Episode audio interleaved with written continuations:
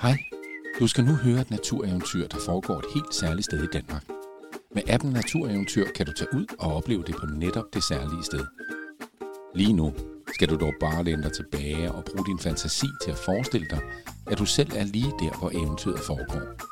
Er du klar? Er du tændt for fantasien? Så går vi i gang. Mysteriet om Lines onkel, der sporløst forsvandt.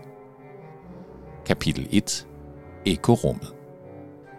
Du skal nu høre eventyret om Line, som tog ud for at finde sin onkel. Line elskede sin onkel, og de plejede at gå ture sammen i parken hver uge.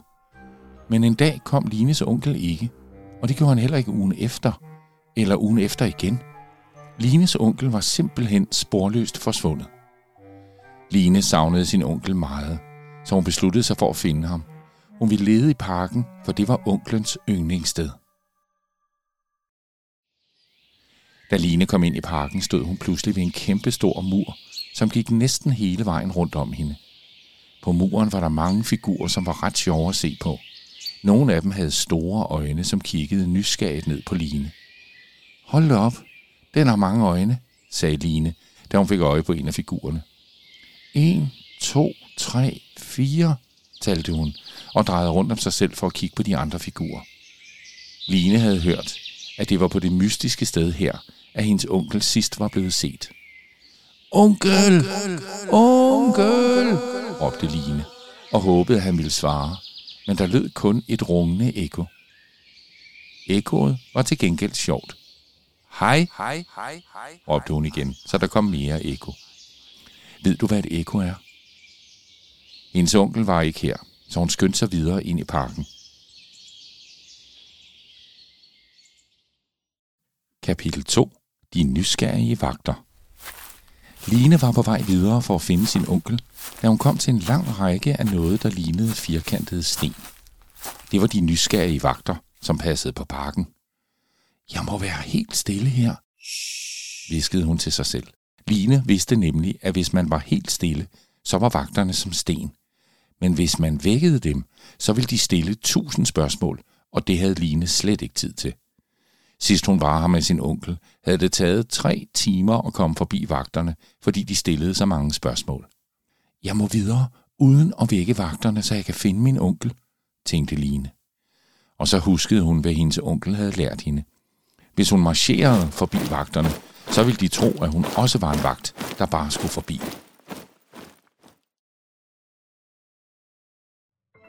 Kapitel 3. Det sammensmeltede træ. Line kom nu til et træ, som så meget mærkeligt ud. Hun stod lidt og kiggede på det, da hun pludselig hørte to små ophissede stemmer. Du fylder for meget, sagde den ene lille stemme. Nej, du fylder for meget, sagde den anden. Du har sur tær. Hvad bilder du dig ind? Jeg har aldeles ikke sur tær. Det er dig, der ikke har været bad i fire uger. Frem fra bagsiden af træet kom to små alfer flyvende, mens de hissigt skændte på hinanden. Da de fik øje på Line, stoppede de med at skændes og præsenterede sig som E og Ask. E havde en lille bitte hat på, som var lavet af et æren, mens Ask bar et par store, tykke briller. De havde begge flotte vinger, og deres tøj var lavet af blade fra træerne. Det var tydeligt, at de var træalfer. Vores to træer vokser sammen til et, så nu bor vi sammen, og der er slet ikke nok plads. Nej, fordi E fylder nemlig alt for meget, sagde Ask. Ja, og Ask tager altid mine ting, selvom jeg selv skal bruge dem, sagde E. Kan du komme i tanke om et tidspunkt, hvor du skulle dele dine ting med nogen, selvom du ikke helt havde lyst? Har I set min onkel? spurgte Line de to alfer. Jeg savner ham sådan. Nej, men vi kender et sted, hvor man kan se dem, man savner mest. Måske kan du finde et spor der. Vi kalder det den røde raket, sagde Ask. De to alfer skyndte sig at vise vej, så Line måtte løbe for at følge med. Kapitel 4. Den røde raket. Line og de to alfer stoppede op ved den røde raket.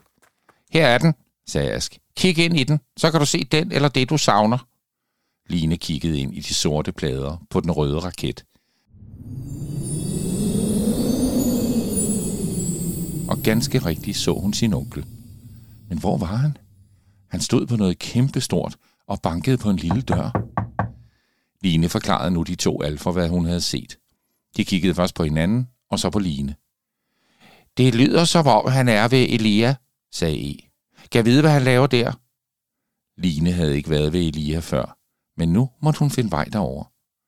Asker og E kunne ikke flyve så langt med deres små vinger, så de ville ikke med videre. Vi kan desværre ikke, sagde Ask. Nej, det er for langt, sagde E og rystede på hovedet. Vi kender en lille græsalf, som bor i cirklernes cirkel. Hun kan måske hjælpe dig, men vi har hørt, at cirklernes cirkel er fortryllet. Fortryllelsen gør, at man skal snige sig derind, ellers så bliver man tryllet om til et fjolledyr. Kapitel 5. Cirklernes cirkel. Fra midten af cirklernes cirkel kunne Line se en masse forskellige figurer, som var store og mystiske. De lignede næsten kunstværker, men de var levende, og de legede med hinanden. De var faktisk også ret sjove og flotte at se på. Hvad kigger du på? spurgte en lys stemme. Line drejede rundt. Der stod en lille græsalf. Det måtte være hende, Asger og E havde snakket om. Jeg leder efter min onkel, som er blevet væk, sagde Line. Jeg tror, han er over ved Elia. Har du tænkt dig at tage dig hen? udbrød den lille alf overrasket. Jeg ved ikke, hvad jeg ellers skal gøre, sagde Line. Jeg savner min onkel så meget. Jeg må finde ham. Jeg kan ikke gå med dig, sagde græsalfen bedrøvet. Cirklernes cirkel er fortryllet, så jeg kan ikke komme væk. Men gå hen til den magiske mands byste. Han kan måske hjælpe dig videre. Klap fem gange og buk for den for at vække den. Du kan komme op ad trappen ved det grå fabeldyr. Kapitel 6. Den magiske mands byste. Line fandt den magiske mands byste og kiggede længe på den. Hun havde forventet, at den ville sige noget. Så kom hun i tanke om, hvad græsalfen havde sagt. Man skulle klappe fem gange og bukke for bysten for at vække den. Det virkede. Det knagede i bysten, og den gabte stort. Hvem, hvem er det, der vækker mig? spurgte en rusten stemme. Øh, øh, det er bare mig, sagde Line forsigtigt. Jeg skal finde min onkel. Jeg tror, han er over ved Elia. Kan, kan du fortælle mig, hvordan jeg kan komme derhen? Øh, så må du først vise dit værd ved at gå igennem den geometriske have hen til gården. Når du går ind i den geometriske have, skal du finde trekanten, firkanten og cirklen for at slippe ud. Læg dig ned og kig op. Når du finder dem, så kan du se, om du er det rigtige sted. Når du har fundet de tre former, så har du vist dit værd. Kapitel 7. Den magiske remse ved gården. Line kom hen til gården. Hun var efterhånden lidt modløs. Der var mange forhindringer, og hun følte sig lidt alene. Men så hørte hun nogen råbe hendes navn. Line! Line! Hun kiggede rundt, og der bag hende kom Ask og E hurtigt flyvende. De var forpustede, da de nåede frem, og de svedte så meget, at det drøbbede fra dem. Øh, vi kunne da ikke lade dig lede efter din onkel alene, sagde E. Nej, vi vil hjælpe dig, sagde Ask hurtigt. Øh, vi kom i tanke om en gammel historie, som fortæller, at man skal finde en magisk remse her ved gården. Den kan åbne portalen der, hvor himmel og hav spejler sig i hinanden. De gik straks i gang med at lede efter den magiske remse. Line råbte pludselig begejstret. Hun havde fundet en lille ramse, hvor der stod Kunst og den geometriske have er en dejlig gave. Det må være den, sagde hun glad, og E og Ask nikkede ivrigt. Nu kan jeg endelig finde min onkel, sagde Line, og hun hoppede af bar glæde. De gik videre mod portalen, hvor himmel og hav spejlede sig i hinanden.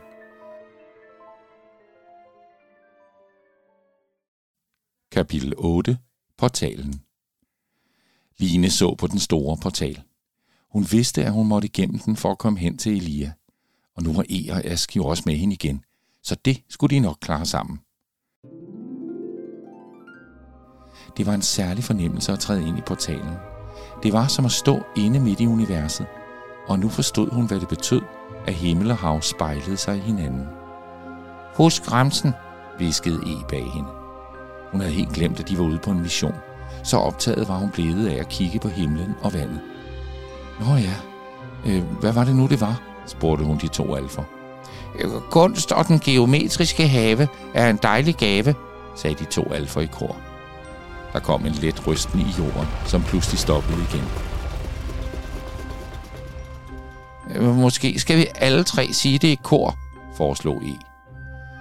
Kunst og den geometriske have er en dejlig gave, sagde de alle i kor. Nu rystede jorden voldsomt, og de så portalen åbne sig for dem, så de kunne komme hen til Elia. Men nu måtte de nærmest hoppe videre, fordi jorden rystede så meget under dem.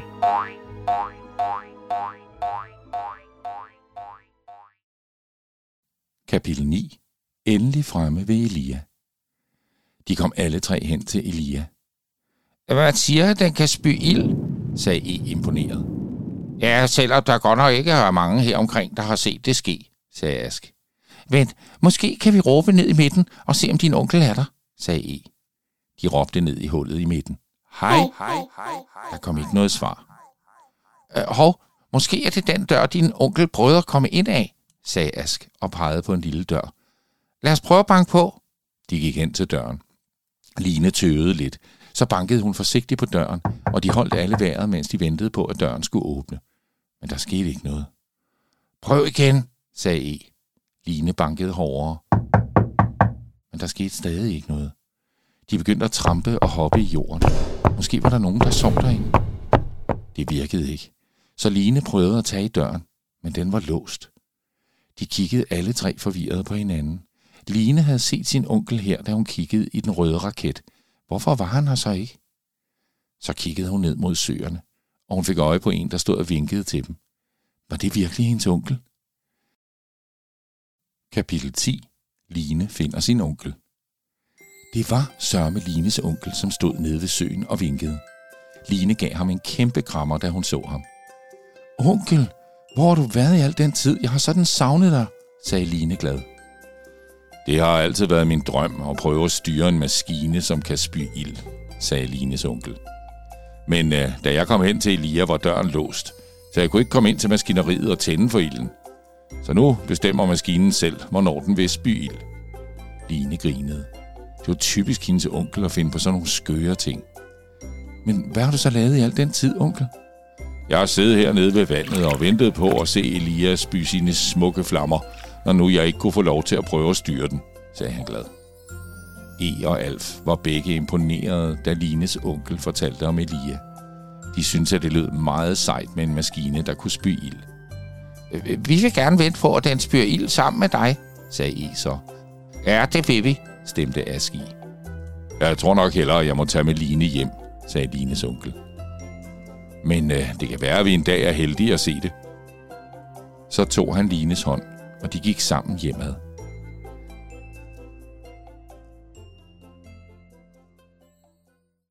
Kapitel 11. Vejen hjem. På vejen ned ad alléen snakkede onklen og Line om alle de ting, de havde oplevet. Jeg har mødt alfer og en talende byste, og jeg har set portalen, hvor himmel og hav møder hinanden, sagde Line. Men det bedste var at finde dig igen, onkel. Det var også dejligt at se dig igen, Line. Og nu glæder jeg mig også til at komme hjem, sagde onklen og gav Line et knus. Så gik de sammen hjem, og Line var glad for at have sin onkel tilbage. Men hun vidste, at de sammen ville komme tilbage til parken og se alle de flotte ting. Og så kunne de også holde øje med, om Elia ville spy ild.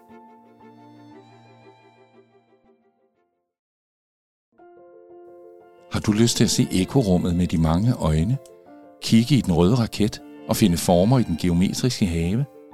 Så får din mor eller far, din mormor eller din farfar, eller måske din yndlingsonkel eller lærer, til at tage dig med en tur til Birk, den hvide by ved Herning, som ligger i Herning Kommune. Her kan du også prøve at se, om du tør at gå op på Elia og råbe ned i hullet. Download den gratis app Natureventyr, og lad den guide jer rundt på eventyr langs smukke ruter i den danske natur.